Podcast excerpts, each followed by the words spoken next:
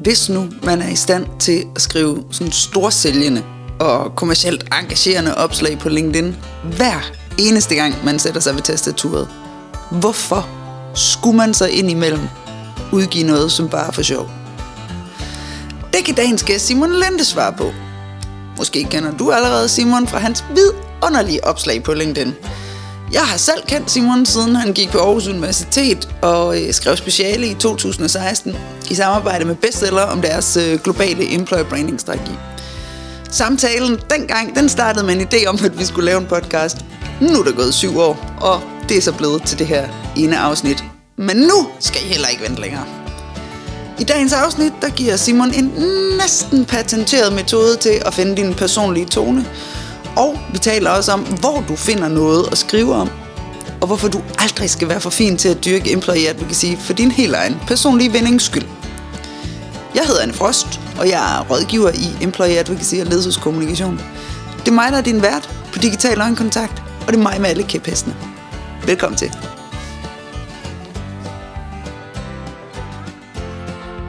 Nå, nu gør vi noget. Nu siger jeg, hej Simon. Eller, jeg siger, hej simonlinde.dk. Hej, annefrost.com. Det synes jeg bare var sjovt. Det sad jeg lige og tænkte over, da jeg, da jeg forberedte mig. Hej Simon, og, øh, og velkommen til øh, Digital Øjenkontakt. Og mega tak, fordi du øh, vil være med. Det er, øh, det er jo noget, vi har aftalt for 100 år siden, fordi at det gad jeg helt vildt godt. Og så endelig, så kunne superstjernen lige i dag. Og tak for invitationen. Øh, Eller, det var jo faktisk mig, der prikkede og sagde, skal jeg ikke lige med snart? Gjorde du det? Ja, Ej, vi kan godt sige, at det var dig. Men det tror jeg ikke. Jeg tror, du ville have mig til at plukke et eller andet, du lavede. Og så sagde jeg, okay, det kan godt være, at jeg gør det, men så skal du også være med i Digital Øjenkontakt. Aftale. Nå, lige om lidt, så, øh, så får vi øh, drysset alt det der, det jeg laver, og hvem jeg er, og hvorfor jeg er fed, øh, ud over dig. Men først, så kører jeg lige en overvurderet, undervurderet på dig. Nå, fedt. Sjovt. Den første ting, jeg gerne vil have dig til at vurdere i den mm. kategori, det er den personlige pro- profil på LinkedIn. Overvurderet eller undervurderet? Det er stadig undervurderet. Ja, Ja. du må godt sætte ord på. Øhm, hvad er det nu? Er det 1%, som er øh, aktive øh, af alle brugere? Noget af den stil? Er sådan der 1, 10, 100-agtig. Og det er den gode gamle tommelfingerregel. Ja. Men er det ikke sådan stadigvæk noget i den stil? Så, så øhm, lad os, hvis vi leger med den tanke, så er der et kæmpe øh, potentiale, der ikke er udnyttet blandt de 99 andre procent, som har en profil, men ikke gør brug af den. Og tror du, alle vil... Altså, jeg er godt klar over, at vi går nok ikke fra 1% til 100, men hvis vi nu bare siger, at der var 10%, øh, der vil begynde at bruge deres personlige profil mere og udkomme mere på den, tænker du så, at der faktisk vil være 10%, der vil have gavn af det? Mm, det er jo et tænkt eksempel, hvor, altså hvis man skulle kigge over på øh, Facebook, mm. back in the days, der lykkedes det jo for ret mange at udkomme med alt muligt. Mm. Ikke? Men, men det var også bare en kontekst, der hed, alt er tilladt. Ja. Hvor på LinkedIn er, vil jeg sige, øhm, er der jo en kontekst, som hedder, vi er på arbejde. Eller vi tænker i en arbejdskontekst. Øh, kontekst. så, øhm, så jeg tænker, ja, så 9,5 procent Nej, altså, du ved, 90 procent, var 95 procent, ja, jeg er fucking sproglig. Jeg er humanist. Øhm, Cirka 10%. ja, Ja, I don't know. vil kunne få... i, i, i, jamen, I dit eksempel med de 10%, så tænker jeg, at næsten alle af dem vil kunne få noget ud af det, og, og, vil, og det vil gavne os andre også. Okay. Så tager vi lige øh, lidt mere ind i noget af det, du laver. Øhm, Grilltennis, ja, det, det blev ikke den her podcast. Fodtennis. det blev heller ikke den podcast. Nå, men så ved jeg ikke, hvad du... Overvurderet, undervurderet. CTA'er, call to actions. Er det overvurderet eller undervurderet? Ej, det er undervurderet. Ja, Øhm, selv dygtige kommunikations- og marketingmennesker kan skrive et opslag, som er suverænt, og så drukner det aller sidste, de gerne vil have, altså det, som de har bygget op til, du skal tilmelde dig mit webinar, for eksempel. Den call to action står ikke klart og tydeligt. Det er så ærgerligt. Der er der bliver nødt til at lige at, øh, at, at arbejde en lille smule mere. Gør det nemt for dem, der læser med. Hvor er det, jeg skal klikke henne? Altså, hvad er det, jeg skal gøre nu? Hvad nu, hvis du bare ville udkomme, fordi du godt ville have, at folk de blev klogere? Jamen, så er der ikke øh, behov for et CTA. Altså, du skal ikke gøre noget, hvis det, hvis det er sådan en, en vidensdeling. Åh, oh, Jesus. Så det er kun, så om det er bare lige for at være, øh, fordi ellers, det kunne ellers blive sådan en rigtig god boksekamp. Så det du mener, det er, når der er et øh, formål, altså når man rent faktisk gerne vil have folk til at lave en eller anden action, Ja, så, så er vi generelt for dårlige til at, at få smækket call to actions på. ja. Men det er ikke universelt, at der altid skal være et call to action. Nej, altså det er, øhm, det, er det er definitionen af copywriting, at øhm, man skriver tekster, hvor man gerne vil have folk til at gøre noget. Og i et vidensopslag, kan vi sige, øhm, der er den første call to action, at jeg vil gerne have dig til, at du trykker på læs mere. Mm. Så de øh, første to-tre linjer, afhængig af hvilken device man er på, skal jo give dig lyst til at trykke på knappen og læse mere. Så der er jo også en call to action som sådan, uden at du har sk- beskrevet den helt tekstnært. Klik på læs mere knappen for at læse mere. Mm. Det, det, Det, der er en indbygget call to action. Det er jo det. Øh, Yes. ja. Jeg har, øh, nu skal det ikke være et maraton i anekdoter, men for alligevel lyst til at nævne, at jeg engang øh, haft en kunde, som havde en hjemmeside, hvorpå der var en blå knap, hvor der stod call to action. Jamen ved du hvad? Og det, det synes jeg er sjovt, fordi han har været på øh, kursus, og øh, så er der bare øh, blevet sagt til IT Henrik, du skal lige lave en øh, call to action knap, og den skal være Præcis. blå. Men, men, men for at det ikke skal være løgn, så har jeg lavet øh, en række LinkedIn-opslag, hvor øh, jeg skriver call to action med store bogstaver, og så under, under den sætning, så tilmeld dig mit webinar her, eller så hent e-bogen her, eller klik dig ind på blogindlægget her. Øhm, altså sim- simpelthen ved at gøre det enormt tydeligt, at der kommer et call to action herunder, Ja. som en slags mellemrubrik. ja. Ej, det er jo meget meta. Ja, det er det. Ja, det er interessant. Nå, den sidste, og det er i sagens natur, når det er nu mig, der spørger. Overvurderet, undervurderet, employee advocacy som disciplin.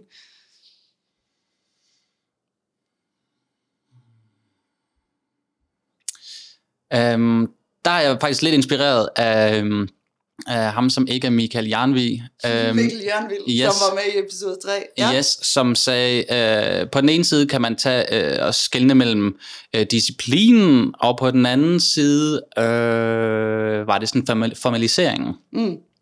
Øh, formaliseringen, ja, øh, over, overvurderet at, at have EA-programmer og, øh, og, og smart, øh, hvad hedder sådan noget, øhm, øh, hvad fanden nu det hedder, de der, du ved, så logger man ind et sted, og så fra corporate side er der lavet tre øh, beskeder og tre budskaber, og klik her og gør det nemt at sige det samme, og del, like og kommentere. Øhm, og så det der med at oplære, engagere, sætte medarbejderne fri i den EA-kontekst, det er stadigvæk undervurderet. Og det, det er derfor, jeg synes, det er interessant at, at komme ind og tale om. Yes, godt. Mikrofonens Så, øh, drop. så endnu en gang øh, bliver der sådan en lille smule øh, rynken på næsen af, når det kommer til at virke for kontrolleret. Ja, Ja. Øh, det ligger jo selvfølgelig i sagens natur, at for kontrolleret er Ja. for kontrolleret. Yes, nu er vi kommet dertil, hvor jeg siger, at du er øh, ifølge egen beskrivelse underviser, konsulent og copywriter ja, i simonlinde.dk. yes. Yes. Og jeg kan lige sige, at øh, derfor har jeg som arbejdstitel, det er ikke sikkert det der vi lander, men arbejdstitlen på den her øh, podcast, den er, det kan du jo sagtens sige. Fordi du er sådan en, der nemt kan udkomme, og nemt kan fortælle om dit arbejde, og nemt kan øh, lege med ordene, så din call to action får et metaniveau, der gør, at det ikke virker salgsagtigt, og bla bla bla, alt det der. Fordi du er mega fed til det jo, for det er det, du laver. Tak for det. Tak for det. Keep it coming. Nej, det var det. det, nej, det var bare det. Tak fordi du kom. Øh, men fortæl lige, ikke i, i en halv time, men bare lige hurtigt, øh, hvordan er du endt med at være øh, simonlinde.dk, og, øh, og, og hvad er det, vi køber hos dig? Ja. Øhm, det, jeg er endt med at være selvstændig, øhm, fordi jeg har brugt, øh, hvad kan det blive, fem år på bureau. Øh, brug kommunikation først, og så publikokommunikation. Og et år på øh, benhård B2C, øh, selv alt fra øh, to magasiner af historie og tre japanske knive til øh, en USB-pen og, øh, og to gange illustreret videnskab. Altså, der skal bare langes magasiner over disken. Ja. Koste hvad det vil. Øhm, og øhm, det, det, det er de erfaringer, jeg har i bagagen, og det er, det er derigennem, at jeg har undervist i at skrive, og selv blevet oplært i at skrive. Og, øhm, og mens jeg var ved Bonnier Publications, der, øh, der fik jeg lov til at have min øh, virksomhed ved siden af. Mm. Som var startskuddet til, øhm, jamen, til at jeg kunne øh, sige farvel og tak, og, øh, og ho- hoppe ud i det selv. Og så spurgte du om hvad? Mine ydelser? Ja, Eller, hvad, ja. hvad er det så, du sprunget ud i selv? Ja, øhm, og det er øh, primært at undervise. Undervise i copywriting, eller i at skrive øh, e-mails, e-mail flows, i øh, at skrive på LinkedIn. Øh, for eksempel sådan et EA-program. Øh, øh, det, er, det er der, jeg tjener øh, de fleste af mine penge. Så, øh, så holder jeg også øh, egne kurser, mm. som er åbne kurser, hvor øh, øh, herre, fru hvem som helst, som er interesseret i at blive bedre til at skrive, kan komme øh, ind på en enkelt dag. Øh, og i efteråret bliver det sådan en to-dags ting. Og så den sidste ben, det er, at jeg så skriver for kunder. Øh, dem har jeg ikke så mange af. Øh, der er mange, der bliver skræmt af prisen. Men øh, til gengæld har jeg en øh, rigtig god, øh, stor kunde, øh, som, øh, som jeg har et godt samarbejde med, som køber 100 timers øh, klippekort, så der er ligesom, vi, øh, vi forpligter os til hinanden. Det, det kan jeg rigtig godt lide. Mm. Ja. Ja, du har også en, øh, den, den lidt øh, flabede overskrift på din LinkedIn-profil, der hedder øh, over dit budget, men alle pengene værd, så vidt jeg husker. Yes. Øhm, og, øh, og der kan man så spørge, øh, der kan jeg så lave til dig, overvurderet eller undervurderet? Hmm, jeg tænker, at den segmenterer rigtig fint. Øh, altså den, den, øh, den deler vandene på den måde, så øh, dem, du alligevel ikke vil have et godt samarbejde med, dem skal du ikke bruge tid på at tale med. Jeg har så få salgsmøder, hvor det ender med, det er for dyrt, mm. fordi de er allerede skilt fra. Øhm, så det, ja, det er ret bevidst. Og en ting er jo, at du skiller dem fra på din, det, det kan vi jo faktisk komme tilbage til, når vi skal senere snakke om den personlige tone, men altså, en ting er, at, at det siger noget om, hvor du ligger prismæssigt, øh, men det siger jo også noget om, hvem du er. Altså, ja. at du er typen, der stiller dig frem og siger på den måde, og ikke er bange for at skræmme nogen væk. Det er jo en bestemt type mennesker, der, der bliver tiltrukket af at samarbejde med sådan en, ja. og tænker, ham tør vi godt, og, og vi tør godt at lægge vores tekster i hans hånd. ja. øh, det kræver også lidt balls på en anden måde, ikke? Jo.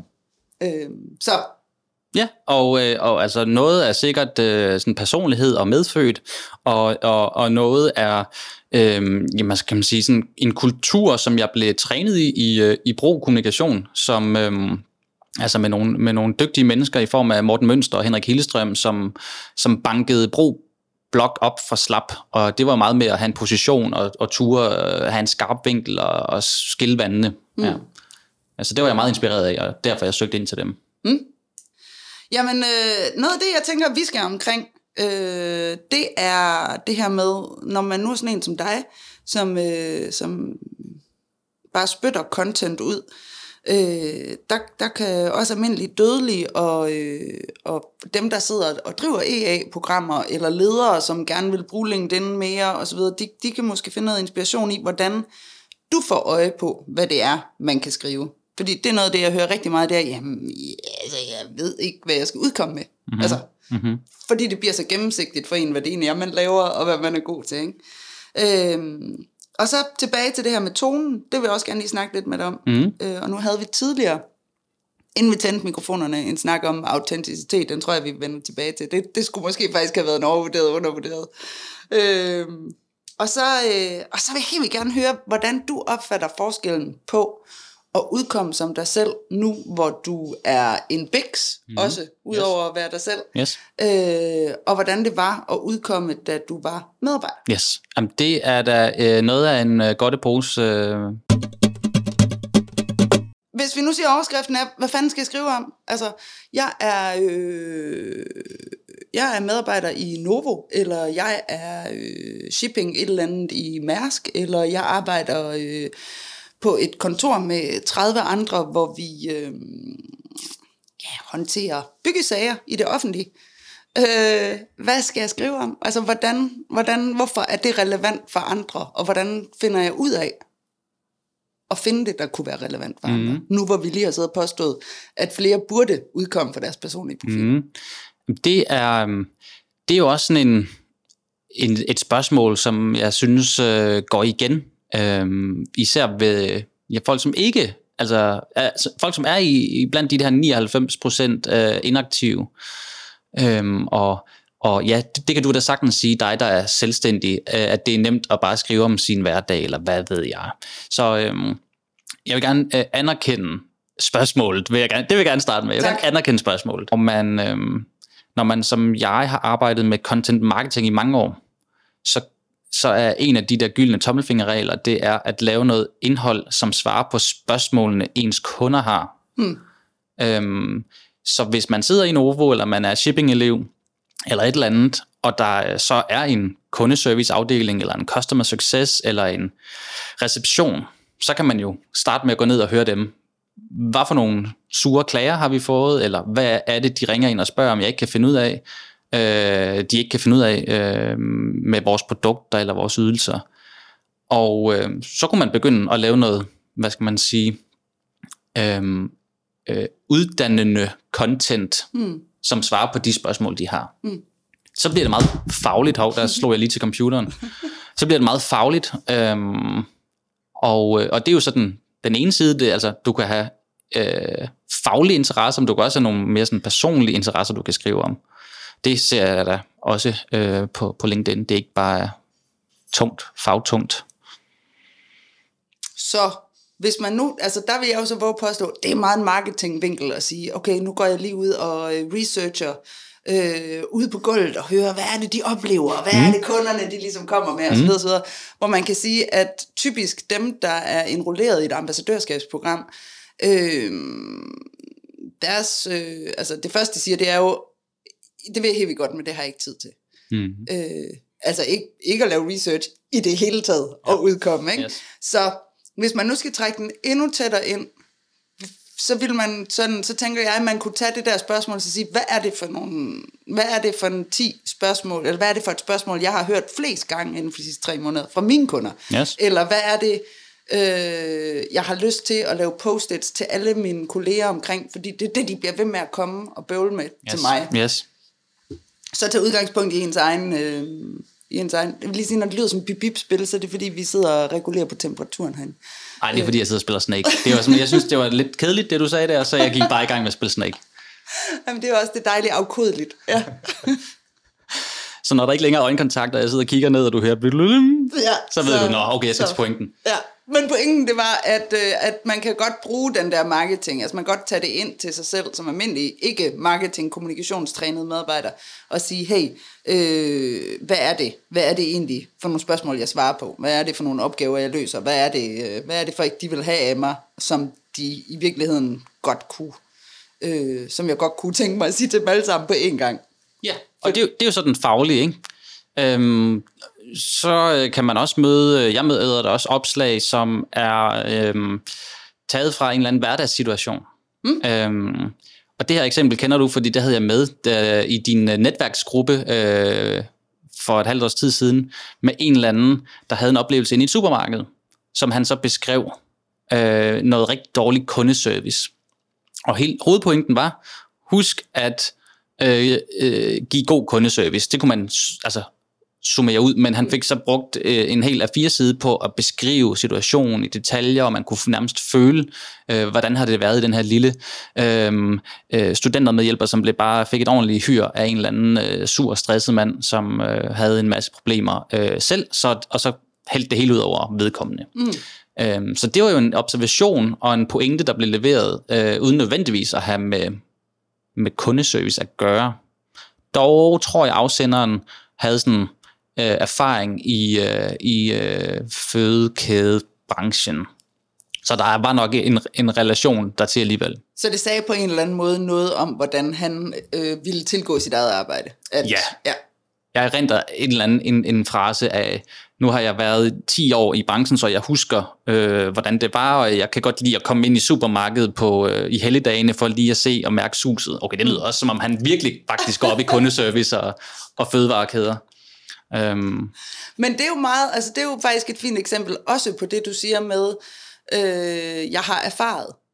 Øh, den her vende tilbage til, jamen hvad er det, jeg godt selv ville have vidst? Ja. Eller hvad ja. er det, jeg har lært? Eller hvad er det, der, øh, hvad er det, der har udviklet sig, siden jeg startede, som yes. jeg kan se nu, at noget. Ja. ja.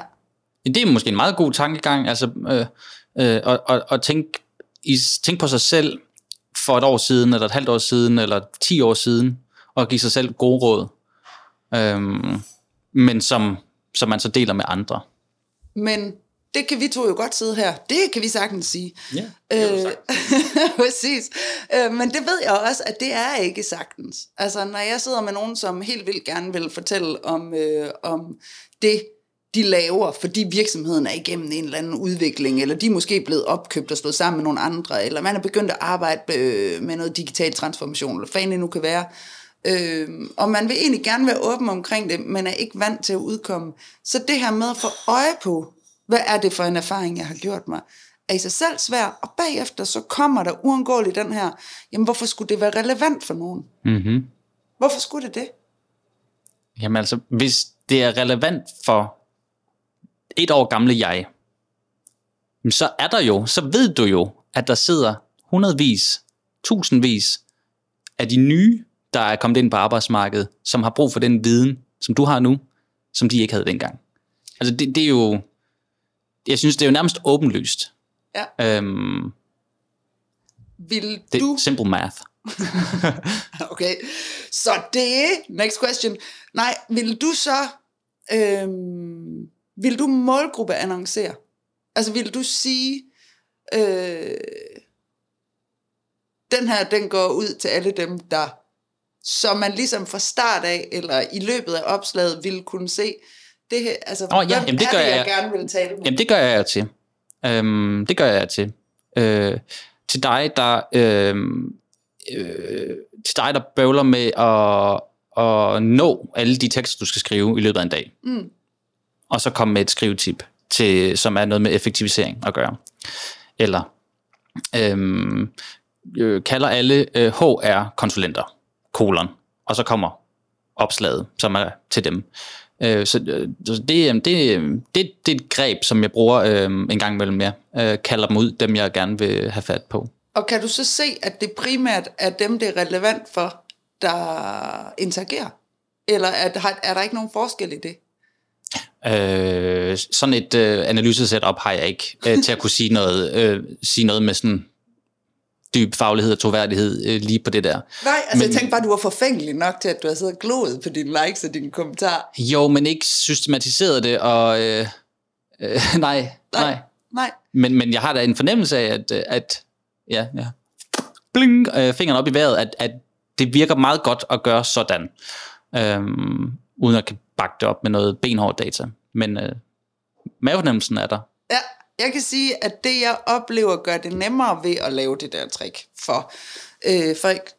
Øh, det kan være, hvis man har en modstand, altså netop den her med, øh, hvem skulle det være relevant for? Og så kan man få indsnævret, hvem er det relevant for? Men der får man så også stadigvæk dækket røv af og disclaimet på en eller anden måde, at øh, I skal ikke tro, at jeg tror, at det her, det er øh, guddommelig visdom, som alle kan lære noget af. Altså det, der er mange mennesker, som er nye i at udkomme, som finder en ro i det her med, at jamen, det var bare, altså hvis du nu lige stod i den her situation, så vil du bare gerne sige, at det her har jeg oplevet. Ja. Så hej hej.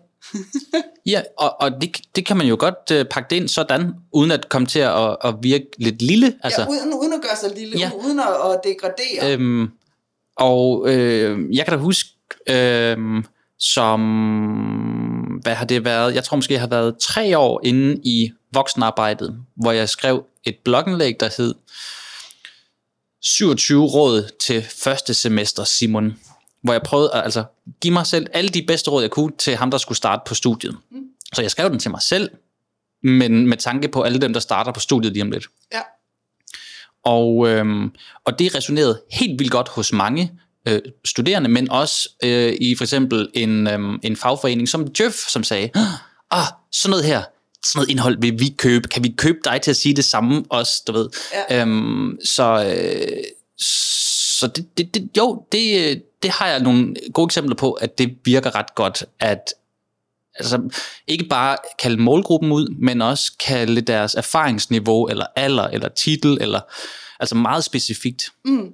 Så nu har vi været der, hvor man kan finde inspiration i, jamen, hvad er det, folk de gerne vil have mig normalt? Mm. Altså, hvad er det, jeg hjælper folk med?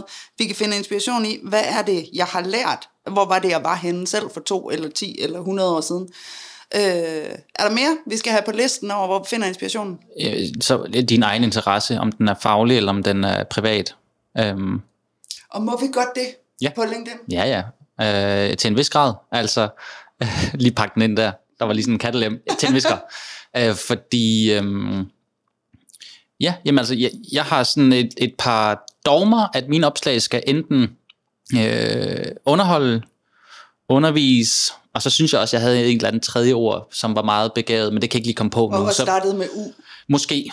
Ja. Øhm, uundværligt. Nej, jeg ved det ikke. Jeg, jeg kan ikke huske øh, den tredje, men i hvert fald, altså underholde og undervise, det er et meget godt sted at, øhm, at stå, synes jeg, fordi for min egen skyld, så kan jeg så fortælle om noget privat, så længe at det underholder. Øhm, og så føler jeg, at det er inden for rammen. Og hvad kunne det være? Hvad kunne et eksempel være på noget, der både underviser og underholder? Øhm, øh, noget, som er øh, rent privat og underholdende, men som ikke er noget fagligt, det var for eksempel øh, et opslag for en måneds tid siden. Øh, live scener fra stuen. Mm. Kolon. Øh, så stod der, min kæreste, kolon. Øh, Simon, giv lige lade være med at taste så højt. Jeg har øh, faktisk et øh, møde lige her og nu. Øh, mig, kolon. Øh, du kan godt klare, det er mit arbejde. øhm, kæreste. Øhm, ja, men kan du lade være med at taste så højt? Mig. Hmm. Hvor længe var mødet? Halvanden time, siger min kæreste. Mig. Hmm. Okay, jeg går med til at være stille, hvis du lover, at jeg så må bruge det her eksempel på et LinkedIn-opslag. Uh. Og det er så det, jeg har delt. Ja. Øhm, det er jo øh, privat og lidt ligegyldigt, men jeg tror, der er mange, der kunne genkende det. Der var i hvert fald øhm, øh, den der problematik med, at man sidder hjemme sammen ved køkkenbordet, spisebordet og skal arbejde remote, er ikke altid super duper effektivt og fedt, som man kan forestille sig, fordi der er hverdagsproblemer og øh, Bluetooth-problemer, og at den ene snakker højere end den anden, og alt det der andet. Um, ja, og andre mennesker er jo ja. bare super irriterende i det hele taget. Yes. Ja.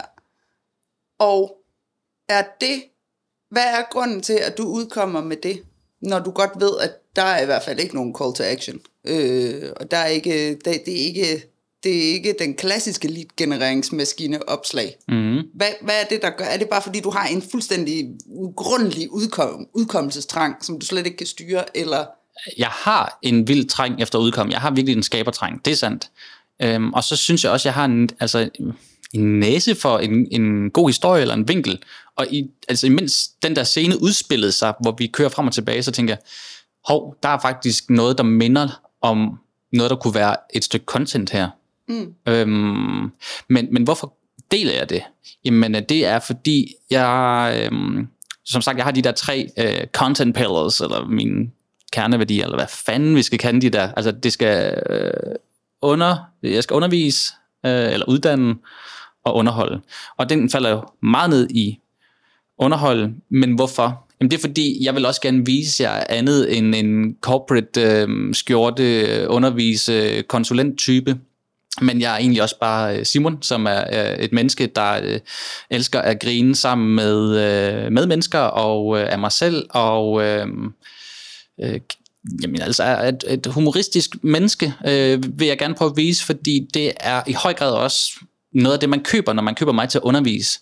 At du ikke bare får en eller anden øh, klassisk akademisk professortype, men du får et øh, menneske med kød og blod og midt idé og øh, jokes, der, der falder ud en gang i timen eller sådan noget. Mm. Ja. Og det kan man sige, hvis man skulle putte det ind i en employer, du kan sige sammenhæng, øh, så det, at have sådan nogle menneskerepræsentanter, som du beskriver, at du er der, øh, er jo også med til at vise dem, der skal komme og arbejde for jer, hvem er vi her? Yes. Og kan jeg overhovedet på nogen måde se mig selv i det? Ja. Altså hvis Eller det, nej, men præcis, fordi det, man kan jo sagtens have en, okay, vi har det hurtigt med jokesene her. Det tror jeg måske ikke lige det mig, det er for useriøst. Jamen det er jo fint nok, at vi så ikke kommer til at bruge tid i, øh, i rekrutteringsprocessen på en, som, som heller ikke vil øh, bryde sig om det. Eller som kan se, at der er både kedelige og sjove mennesker, der udkommer der, men, men jeg får lov til at kigge lidt ind i maskinrummet. Yes, 100. Og, øh, og øh, bare lige for at øh, lægge øh, selvfedhedskortet på bordet, så er, øh, altså jeg, har- jeg har øh, været meget aktiv, også på mine arbejdspladser på LinkedIn, mm. og fået ros for at, øh, jamen at, at være en, en, en ambassadør, uden at blive tildelt ambassadør øh, skiltet. Men ja. jeg har ligesom bare taget den selv, og har ligesom kunne være med til at både tiltrække øh, kunder og medarbejdere ved at fortælle om kultur og ved at dele alle de der ting, vi lige har snakket om tidligere. Mm. Klart. Øhm, så der er, jo, der er jo gode fordele ved at, øhm, ved at være en, en aktiv stemme, øh, både for sig selv og for virksomheden. Ja. Ja. Og hvordan ved du, at du har, det, nu kommer vi lige ind på, øh, på sådan, hvad skal man sige, øh, der er sådan en, en black box inden for employee advocacy, der hedder måling. Aha. Øh, Mm-hmm hvordan ved du, at du har været med til at tiltrække kunder og medarbejdere? Øhm, når øh, jeg en halv time efter, jeg har postet øh, opslaget om 27 råd til mig selv, bliver ringet op af øh, Sine fra Djøf, som siger, jeg har lige læst dit blogindlæg, kan vi købe øh, noget af det her? Nå, Og- og- altså så du mener, at en ordre på en eller anden måde øh, er en form for øh, Ja. evidens? Og så ligger, og så ligger Djøf øh, 100.000, og øh, det måske bliver det 150, så er det, øh, så er det dejligt nemt at måle, øh, og øh, også på min egen bankkonto, øh, dengang jeg var øh, publiko øh, ansat. Ja, Ja. klart. Det kan man sige, det er rimelig håndfast. Det må man sige. Øhm, så s- for eksempel når jeg holder kurser, så, øhm, så inden vi går i gang med kurset, men efter folk har købt en plads, så sender jeg spørgeskema ud med tre spørgsmål, og en af dem er, hvor har du fundet mig henne? Ja, Og der kan man så krydse af ved, jeg har læst et LinkedIn-opslag, eller du kan krydse af ved, jeg aner ikke, hvad du snakker om, det er min chef, der har sendt mig herhen. Øh, og, og, og, og den er der så øh, rigtig god indsigt i at få, fordi øh, tre ud af de øh, 10, der skal på kursus her i morgen, det er chefen, der har sendt dem. Ja. Så, og jeg kunne jo godt tro, at alle kender øh, mig, for, fordi jeg poster flere gange om ugen på LinkedIn. Øh, ikke nødvendigvis, men det var så øh, 4, 5, 6 af de andre, der har krydset den af. Så det, ja. det er noget god øh, indsigt at få. det her med, at, øh, at lige pludselig kan du jo på den måde finde ud af, at det kan være, at dem, der læser øh, det, du laver, det faktisk er en, øh, en anden type mennesker, end dem, som du skal sælge til. Altså måske skal du skrive og målrette din kommunikation mere mod chefer, der sender ja. Folk på kurser, ja. End folk, der skal på kursus. Ja. Hvilket jo er meget interessant. Jeg vil i hvert fald tænke i, at der er flere målgrupper. Øhm, og nogle gange skal jeg så ramme direktørtypen eller ledertypen, og andre gange skal jeg ramme hende kommunikationsblækspruten, som skal sige til sin leder, hey, Dorte, må jeg ikke komme med på kursus. Mm. Og den tænker jeg, altså i forhold til employer branding og, øh, og LinkedIn, det bliver jo tit, hvis vi taler lidt yngre mennesker, sådan, jamen der er ikke nogen unge mennesker på LinkedIn alligevel. Det er der så, men, men udover det, øh, så er der jo også noget med, jamen hvem er det rundt omkring de unge mennesker, der skal søge deres første job, som du kan påvirke. Øh, mm. Som også er den måske sekundær, men i hvert fald også en målgruppe, Yes. som, kan, som LinkedIn kan være en, en god kanal til. Altså må jeg lige bryde ind her en gang, Ja, det må du godt. fordi i forhold til det der med at poste noget selv, Ja. øhm, så jeg havde lige et par ekstra sådan løse, hurtige, øh, hurtige tips. Det, kom Kan, med kan dem. vi lige få dem ind under Hvad der? er det, jeg ikke ved, jeg gerne vil spørge dig om, som man siger? Ja, og det er, øhm, hvordan gør du, agtigt. Altså, Ja, og, og, fortæl os ja. lige det, hvordan gør man Ja, jamen jeg tænker, fordi der kunne være nogle ret gode, lavpraktiske tips. Øh, det er i hvert fald dem, som gør mig bedre i stand til at udkomme lidt oftere. Mm. Øhm, og, og tip 1, super øh, lavpraktisk, det er at have en online notesbog, som jeg har bogmærket i min browser. Så hver eneste gang, jeg har bare noget, der minder om en idé til et øh, opslag, eller til noget indhold. Det kunne jo være, altså om det er en podcast, eller om det er LinkedIn. Men jeg har en, der hedder LinkedIn Content Idéer. Så klikker jeg på den, og så smider jeg øh, en lille beskrivelse ind. Øhm, det kunne for eksempel være øh, live scener ved skrivebordet, øh, eller ved køkkenbordet, punktum. Og så skal, skub den afsted.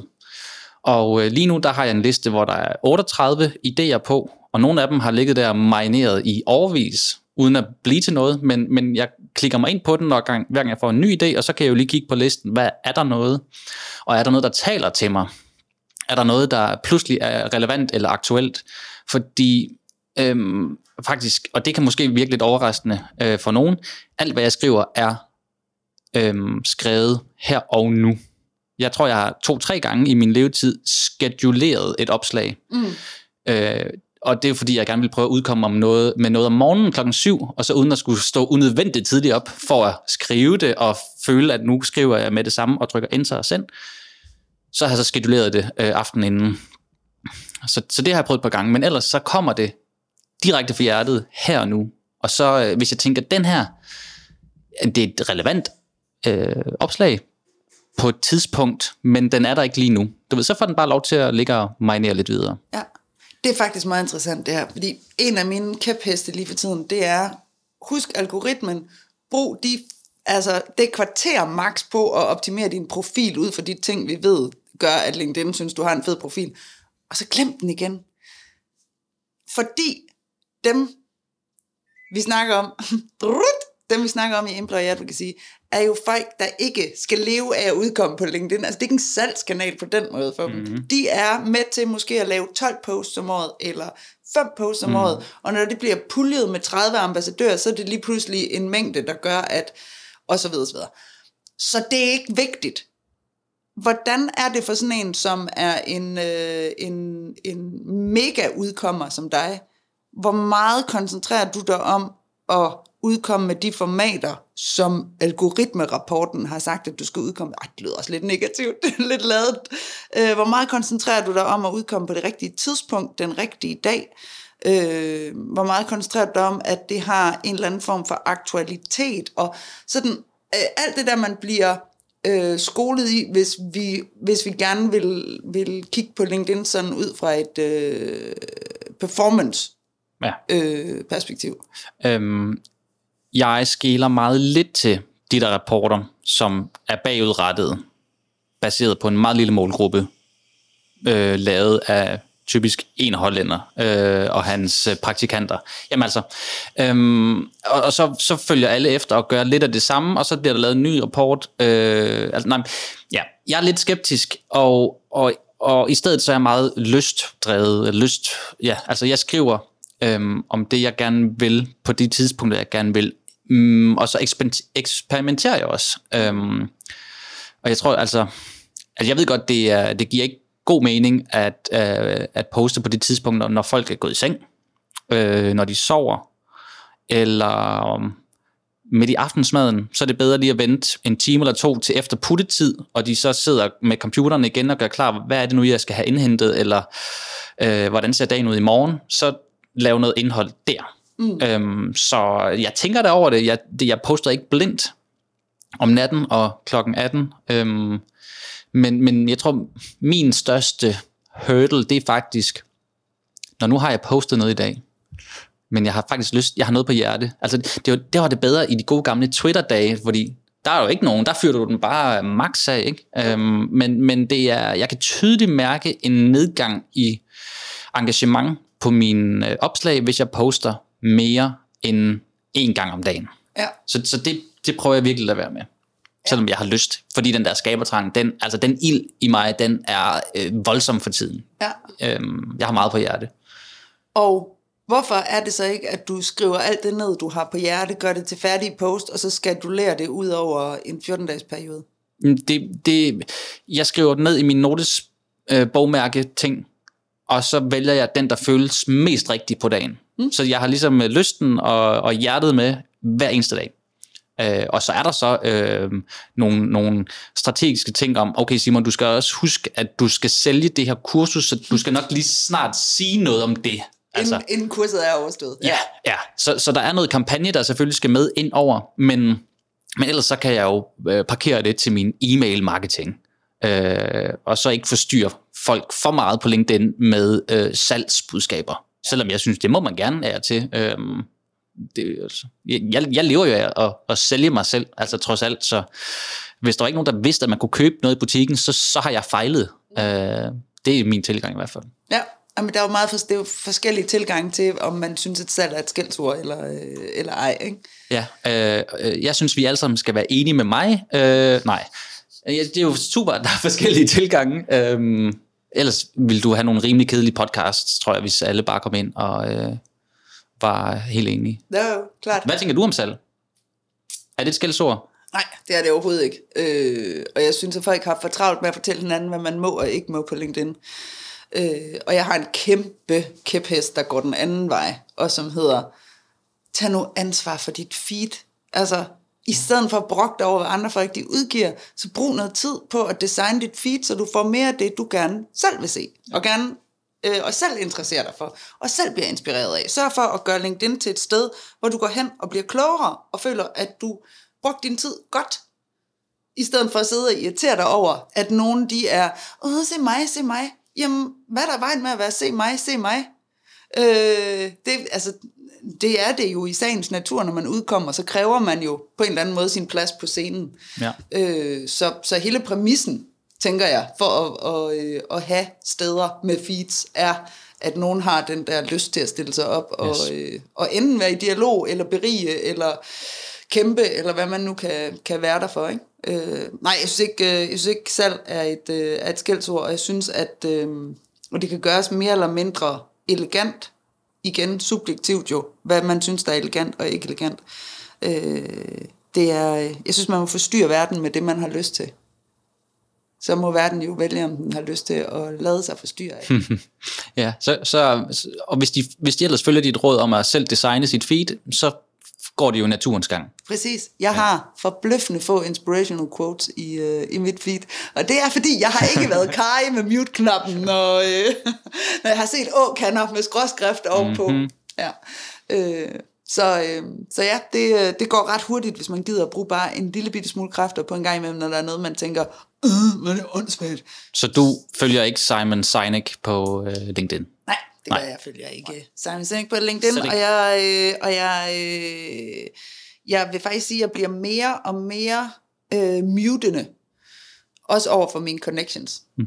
Altså, øh, jeg, jeg bliver mere og mere, ja, det er godt, du, hej du. Ikke, og jo ikke, fordi jeg ikke vil være connected med dem, eller jeg ikke synes, at på et personligt plan, at det er fedt, at det går godt i deres liv, eller at de vil udkomme. Det er bare ikke for mig. Så til dig, der øh, har oplevet ikke længere at modtage likes og kommentarer fra Anne Frost, du er blevet muted. Det er derfor.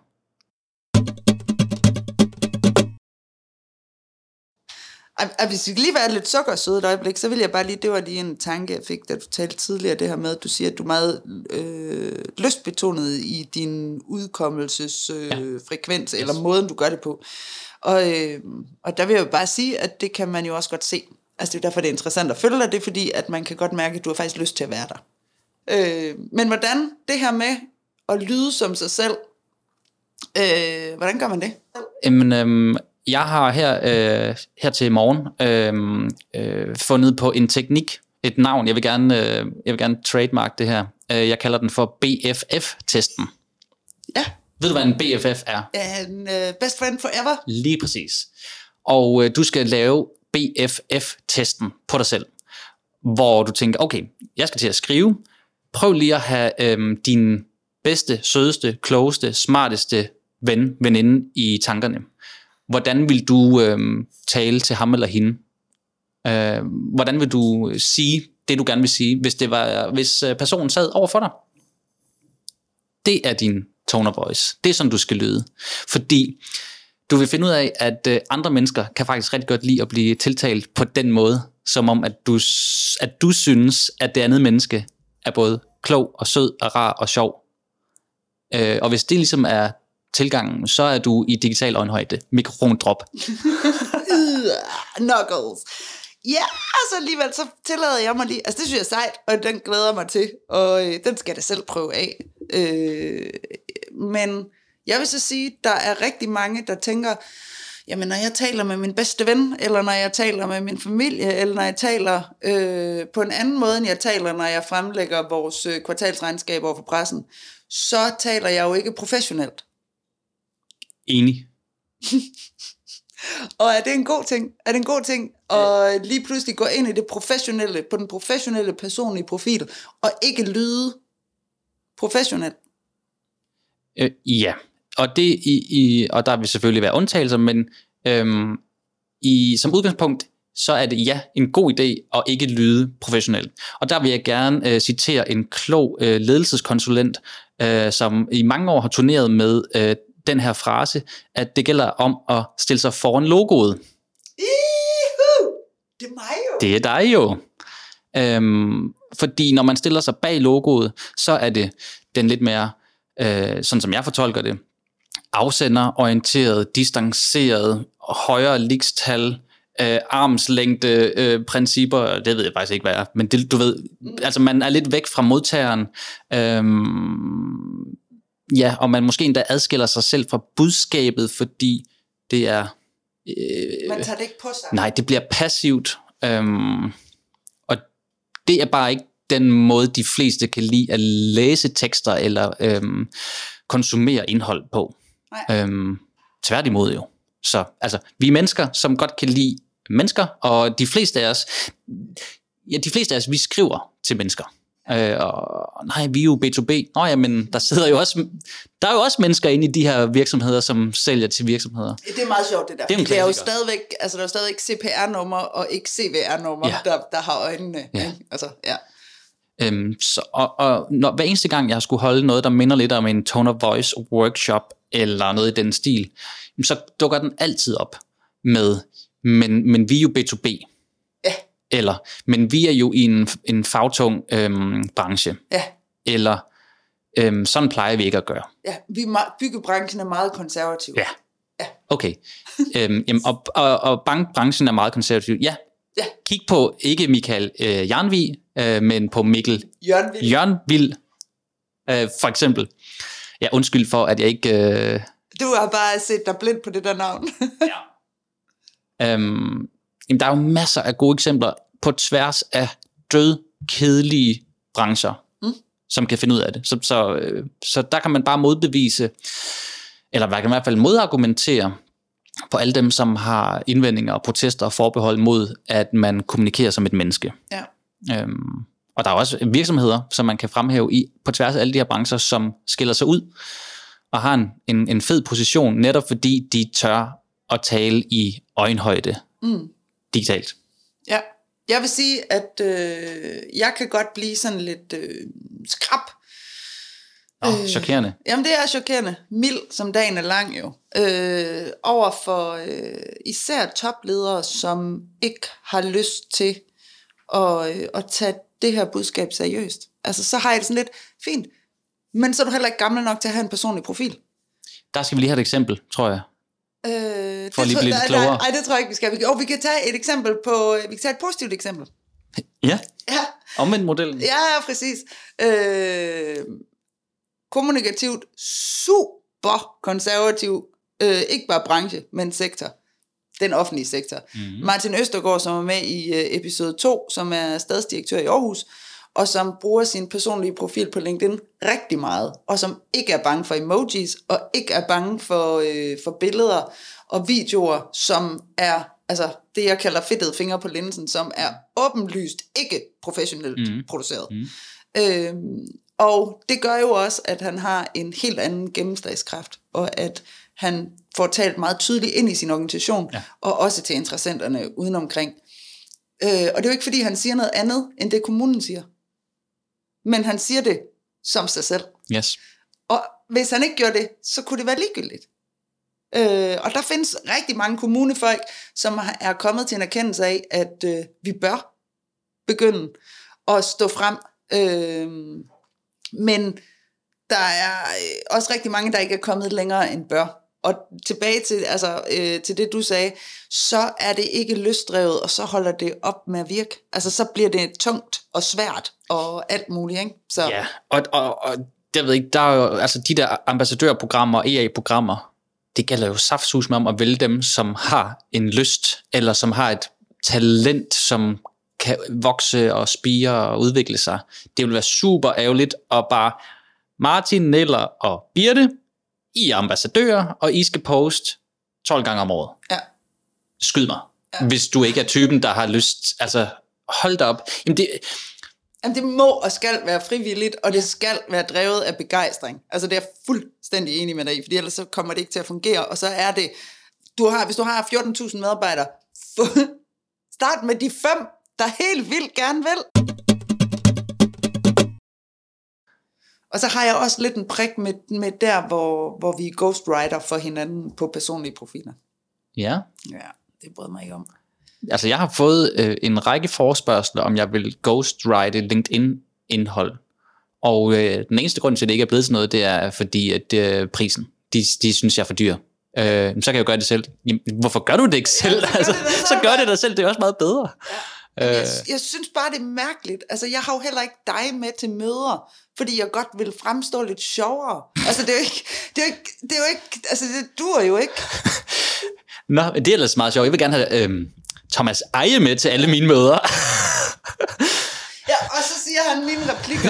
ja, det er jo super mærkeligt. Altså, det der med, at, at, øh, at når du nu er et sted, hvor du har klistret dit eget face og din egen historik, mm. voksenhistorik på, øh, og, og på den måde prøver at fortælle os, at nu er det, øh, nu, nu giver du udtryk for noget som person, så er det et lidt mærkeligt at, øh, at, at sætte en ghostwriter på, synes jeg. Ja. Men, men så alligevel, altså, øhm, der er jo utalligvis af øhm, kommunikations- og marketing- og social media byråer, som skriver på vegne af virksomheder, så det er jo også en slags ghostwriting, det er dog ikke en personlig profil, så der er vel en, en adsk- man kan adskille de to ting. Ja, det synes jeg. Der er jo ikke, altså, alle er jo ghostwriter for logoer. Ja. Altså, logoer kan jo ikke selv skrive, de har jo ikke nogen arme.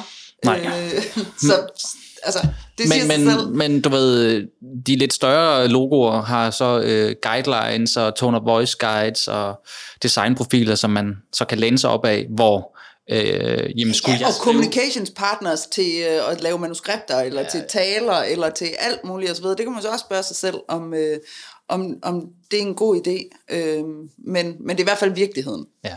Men, men når det så er sagt, altså hvis der var nogen, der ville betale nok, så, så er jeg jo ikke øh, mere øh, øh, heldig, end at jeg, vil så vil, at jeg, at jeg så vil gøre det, også fordi jeg tænker, at jeg kan jo, øh, jeg har jo nogle skrivekundskaber, og noget næse for vinkler og indhold, så jeg tror, at for manges vedkommende vil jeg kunne give dem et løft øh, i at komme ud til flere med de budskaber, de brænder inde med, fordi mm. de af x, y, z undskyldning ikke får trykket på den knap, som de egentlig har lyst til. Ja, ja man, der er jo en demokratisering i, at man kan betale sig fra og, øh, og, og skrive og udkomme selv og så videre, men der er bare så mange andre greb, man kan gøre.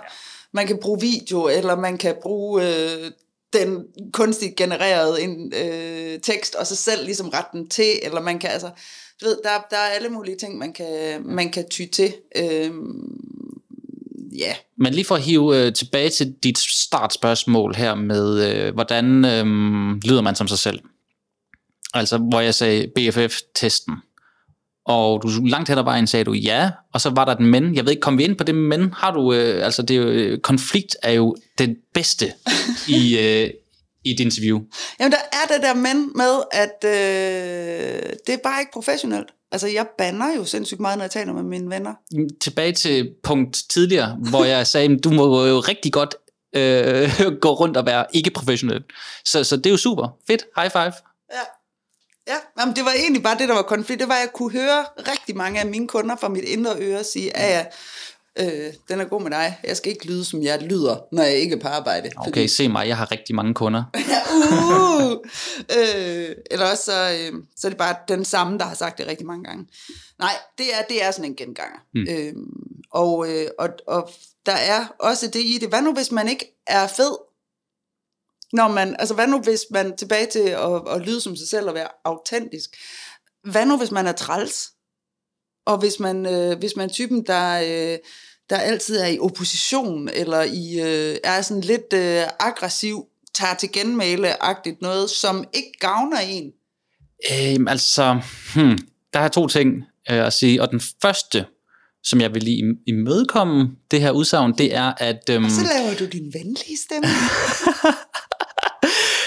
der findes en lille bitte målgruppe for den type, så de kan være sammen om det negative, øh, kontrære, øv, øv, øv mod systemet. Lad os sammen stå sammen side om side og hate på alt og allan. Øhm, og øhm, så, så, så der kan stadig være et lille fællesskab i at være en del af dem. For alle andre øhm, og for sig selv, så jeg synes jo ikke om den tilgang. Øh, så synes jeg mere om, om det mine forældre lærte mig, som var, hvis du ikke har noget godt at sige, så øh, tig stille. Mm. Eller hvad var det, du sagde tidligere? Øh, sig noget andet. Altså lyv. Så, altså, så løse hvad, altså, hvis du ikke er fed, så vær en anden. Så lad være at være autentisk. øh, nej, men der, altså, det var bare lige for at prøve den der af, fordi mm-hmm. vi snakker meget om at være autentisk, mm-hmm. og det er meget noget med at finde sin egen tone og så videre, og nogens tone er bare ikke fed. Altså, nogens tone skal de da holde op med at udtrykke. Øh, kan du ikke bare mute? Hvad Åh, først? oh, boomerangen! Mm. Øh, jo, det kan jeg godt. Det gør jeg også. Ja. Øh, det er ikke så meget det. Det er mere det, nu tænker jeg ud fra sådan et... Øh, øh, Surknud er jo ansat i øh, den her organisation, der arbejder med employee advocacy. Øh, og vi kan ikke kontrollere, hvordan Knud udkommer på, sin, øh, på sine egne kanaler. Og, og det er egentlig også fint nok, at vi ikke kan det, og det skal vi heller ikke. Og, og Knud udkommer, uanset om vi kører employee advocacy eller ej. Mm-hmm. Men øh, det er derfor, vi ikke skal have 100% af vores medarbejdere styrke med. Ja. Øh, fordi det er ikke for alle. Det er for de få begejstrede, der synes, det er sjovt. Ja. Det er ikke, det er ikke Knuds opslag, som vi kører thought leader ads på LinkedIn med. Præcis! det er det ikke, nej. Øh, hvad synes du egentlig om dem? Det, det tester jeg. Jeg har sat øh, fem, seks annoncer op i forgårs, øhm, altså som er jeg, opslag, jeg tidligere har lavet, og så prøver at strøm til.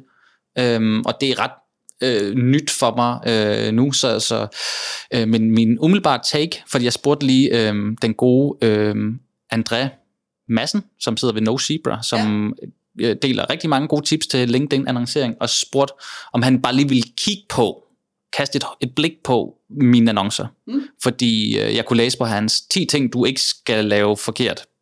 Og jeg var, åh oh shit, det, jeg kan ikke genkende nogen af det her. Noget af det, han siger, jeg aner ikke faktisk. Jamen, kan du lige komme ind og kigge, André? Ja. Og det gjorde han, og han sagde, øh, husk, du er ikke en virksomhed, men dit personlige brand her, som laver de her thought leader ads, du overperformer langt, langt over brancheniveau, over gennemsnit. Ja. Og det er bare på en håndfuld dage nu her. Øhm, Men det så. gjorde du vel også før? Ja, det, ja, men nu øh, kommer jeg så ud til nogen, som... Det kan godt være, at vi lige måske skal... Altså nu, øh, nu, nu er vi allerede stukket ud af en tangent, men det kan godt være, at vi lige skal sige til folk... Ej, det minder slet ikke om din podcast, at det sker. Lad lige sige, at hvis der er nogen, der ikke... Nu er det jo folk typisk, der går op i employee advocacy, der hører det her. Øh, så måske ved alle, hvad thought leader ads er. Men til dem, der ikke ved det, så er det et nyt annonceformat, som LinkedIn har indført, som gør, at man som virksomhed kan sponsorere øh, personlige profilers opslag. Så Medarbejder. Ja. Yes. folk, der er tilknyttet den company page, Yes. opslag ved at, øh, at, at putte nogle penge i, øh, i måsen af det, og, øh, og, så, og så sp- få det spredt yderligere. Ja, det er jo den gode gamle boost-knap, bare med det, men at der øh, står øh, sponsoreret af virksomhed henover personlig profils opslag. Ja. ja. Så, så nu ved mig, så står der så sponsoreret af simonlinde.dk lige ovenover Simon Krav Linde Ja. privat profil. Og det er jo bare kanon for mig, fordi det tror jeg, der er ikke nogen, der rynker på næsen over, eller altså, måske vil de ikke engang lægge mærke til det. I don't know. Nej. Nå, så, så øhm, med øh, fire dages erfaring, så er øh, indtil videre er jeg positivt stemt, men, men jeg kører annoncer øh, måneden ud. Jeg er jo lidt en øh, anti-annonce, anti-corporate marketing-agtig Du vil type. bare ikke bruge penge. Er det ikke det? Du vil ikke bruge penge jo, på jeg øh, bare- kommunikation? Jeg er bare nær i. Øh, nej, altså det er jo... Øh, det, det, jeg har det ambivalent med det. Jeg synes på den ene side, øh, jamen, lad os, da, øh, lad os da øh, give medvind og hæppe og udbrede de øh, gode historier fra vores medarbejdere. Øh, men på den anden side set, så er jeg også altid bekymret for det her med, om der, hvor noget virker, om marketing så kommer og putter sine klamme hænder på det på en måde, så det holder op med at virke. Ja. Jeg har, altså, et når jeg skal prøve at forklare det her øh, på de oplæg, jeg holder, så, så øh, i, to, i 2022, der Pornhub, de udgiver hver år en, øh, en analyserapport, en datarapport, fordi de har afsindig meget data worldwide. Ja. Så det er skønt, at de gider at bruge tid på det. Øh, den sidste rapport, de udgav, det er første gang, at amatørporno øh, ikke er on the rise, ikke er, øh, er øh, fortsat stigende kategori. Det har været sådan en super, super kategori. Det er et spørgsmål om, at marketing har taget sin klamme hånd, har konstateret, hvor er det øjnene ser, det er på amatørporno. Ergo skal vi producere amatørporno. Men det betyder så, at amatørporno er blevet overproduceret. Amatørporno er holdt op med at ligne amatører, der pornoer. Så derfor, så virker det ikke mere. Så nu alle dem, der gerne vil se noget, de kan genkende sig selv i, og hvor der måske er lidt, øh, lidt fejl, og lidt appelsinhud, og lidt øh, genkendelighed, Autent, de er Autenticitet. autentisk porno. De er rykket over i øh, alle mulige andre subkategorier. mm. Øh, så det findes stadigvæk, det der øh, supposedly ægte. Øh, men det er ikke der, hvor de mange, de så før. Fordi når de mange, de er der, så kommer der nogen og vil kapitalisere på det på en måde, så det går i stykker. Fed perspektivering. Du får 12.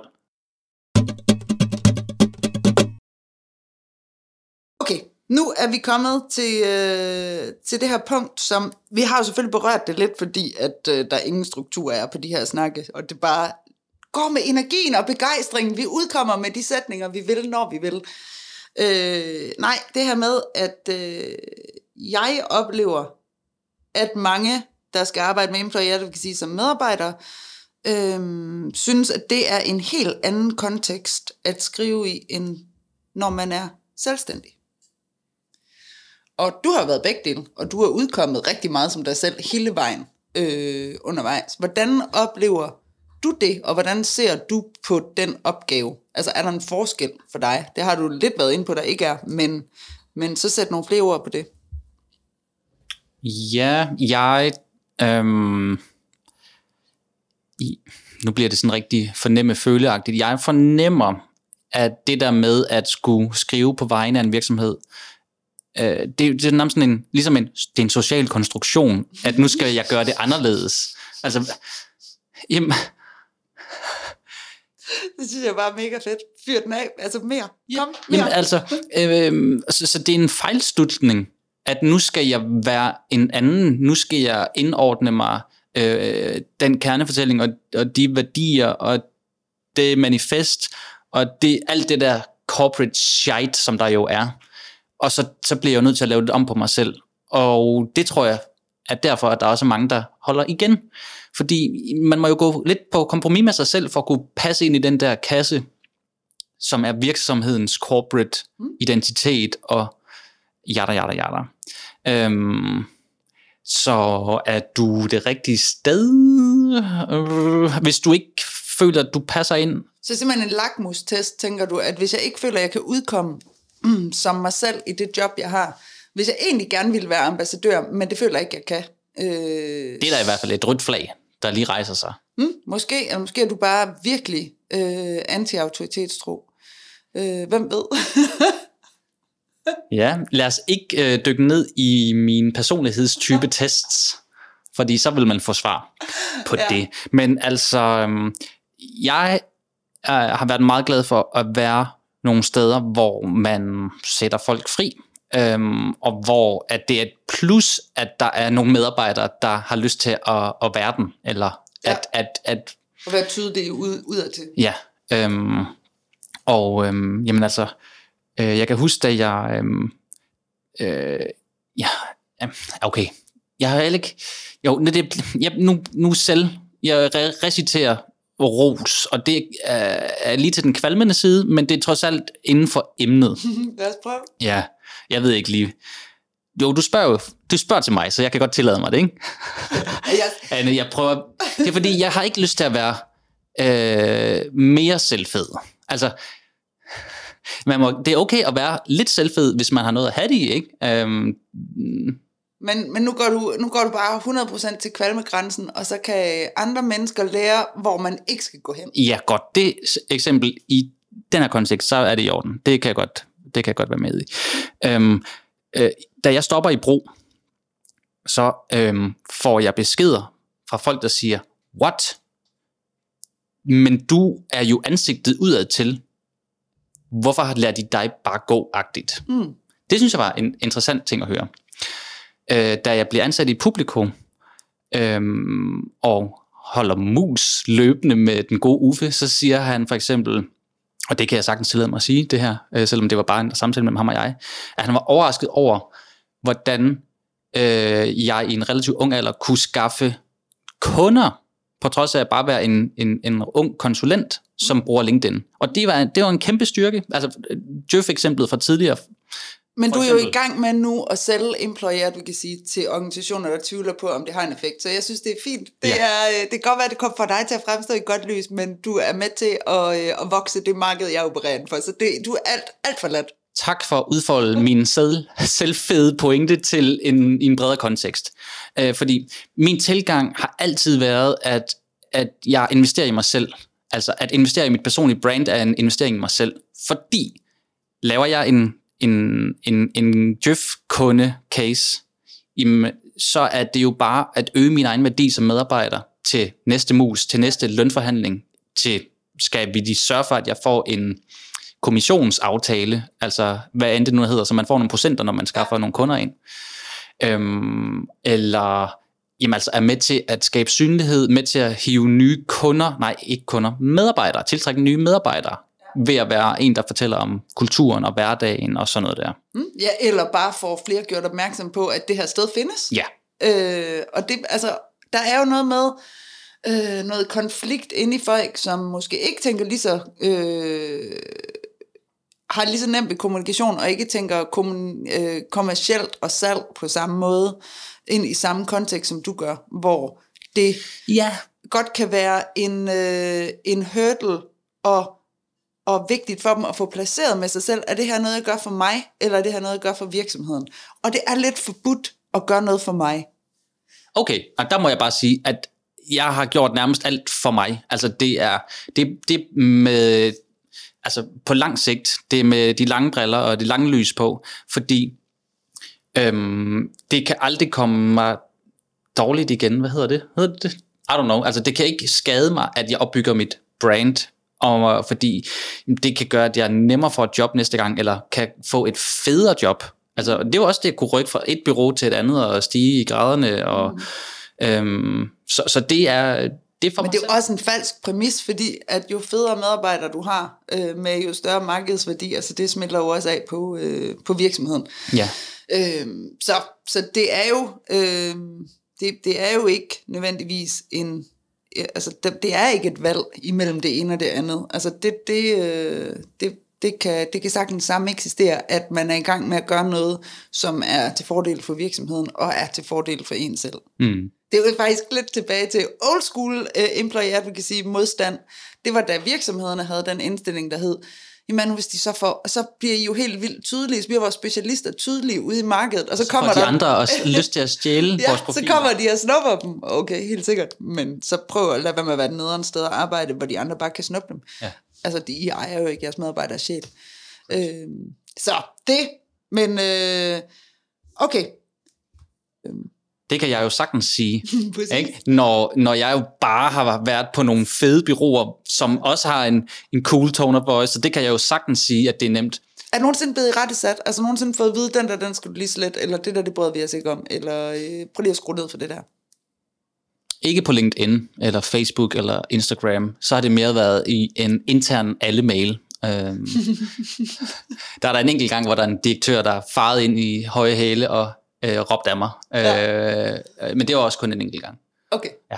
Men ellers nej. Øhm, og øh, jeg kan huske, da jeg kom til Bonnier, øhm, der øh, var der, øh, altså, det var nærmest som om, at det var en, lidt en åbenbaring for nogen øh, i, i den her store organisation, at, nå, kan man også det? Hvor er det fedt, vi har fået en medarbejder, som sidder nede i marketing og bare deler ud af alle mulige fede tips og øh, taler på konferencer og sådan. Så, de var, så, så, så jeg fik en, en, en love storm af mine medkolleger, som sad op på de høje etager, som jeg egentlig ikke kendte. Mm. Øh, så det var også en fed måde at få banket nogle øh, interne døre ind til nogle af dem, der sidder med øh, et C foran i deres øh, titler, ja. øhm, og, og komparatoren hos dem. Jeg får lige en tanke om, ja. at man jo, at du formentlig også, ligesom vi talte om før, at man skal ture og, øh, og skille nogle kunder fra, mm-hmm. øh, for at få de rigtige. Yes. Øh, at du formentlig også på det tidspunkt, at du jo udkommet rigtig meget igennem øh, flere år, forskellige bureauer, yes. på forskellige kanaler, yes. og været meget tydelig. Mm. Så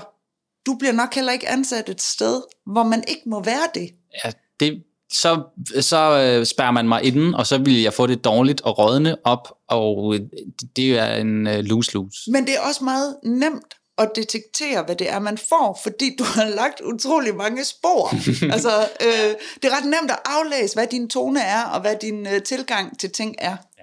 Og det vil jo gælde for alle. Nu er det jo ikke fordi, at man skal udkomme med samme frekvens som dig. Nej. Det har internettet slet ikke plads til øh, at, at alle gør. Men bare det der med at ture en gang imellem, at være synlig øh, i det job, man har, er med til at kvalificere dem, der skal ansætte en øh, næste gang. Yes. Så det gælder ikke kun i forhold til kunder, og det gælder ikke kun i forhold til, at, øh, at kandidaten kan vælge virksomhed. Det gør også, at virksomheden har en bedre forudsætning for at vælge den rigtige ja. kandidat. Ja. Øhm, så ej, hvor var det da en fin pointe, var? Ja, det må jeg nok sige. Vi skal til at, altså vi er jo snakkehoveder, vi skal til at runde af nu. Yes. Øh, og, øh, og inden vi slutter, så øh, nu har vi jo snakket meget om, at du udkommer i... Øh, Høj frekvens. overalt. Øh, hvor skal man følge dig hen, hvis man gerne vil øh, have noget, noget Simon Linde i sit liv? Jeg vil klart anbefale, at man øh, signer op til mit nyhedsbrev. Jeg har for halvanden, to måneder siden relanceret mit øh, nyhedsbrev, som nu er blevet, altså det har fået et format, som jeg synes fucking spiller bare, og jeg elsker det. Jeg elsker at skrive det her nyhedsbrev, som kommer ud øh, hver søndag. Mm. Øhm, så det hedder et rigtigt nyhedsbrev, og øh, hvis man søger på mit navn øh, på internettet, så har jeg sørget for at lægge så mange links rundt omkring, at du skal nok finde et sign-up link. Ja. Altså, så mm. ja. Og ellers så kan man gå ind på øh, Simon Grav Linde LinkedIn-profilen, ja. og der er også sådan en øh, call to action. Det er der. Hvor man kan sign up til... Øh, til alt muligt. Ja. Til mig. Til mit univers. Ja. ja. Og hvordan har du det, hvis folk de gerne vil connecte med dig? Jeg, jeg tænker over, øh, vurderer jeg den her person som en, der vil være modtagelig for kommunikations, marketing og e-mail, råd og tips på dansk, så siger jeg ja. Mm. Øhm, så det, det, det er min tommelfingerregel. Ja. Forestil jer, at de vil være modtagelige for, for den slags tips, jeg deler ud af på dansk. Ja. Yes or no. ja. And if it's a no, then, yeah. then it's a no. Then it's a no. Sådan er det jo. ja, klart. Fedt.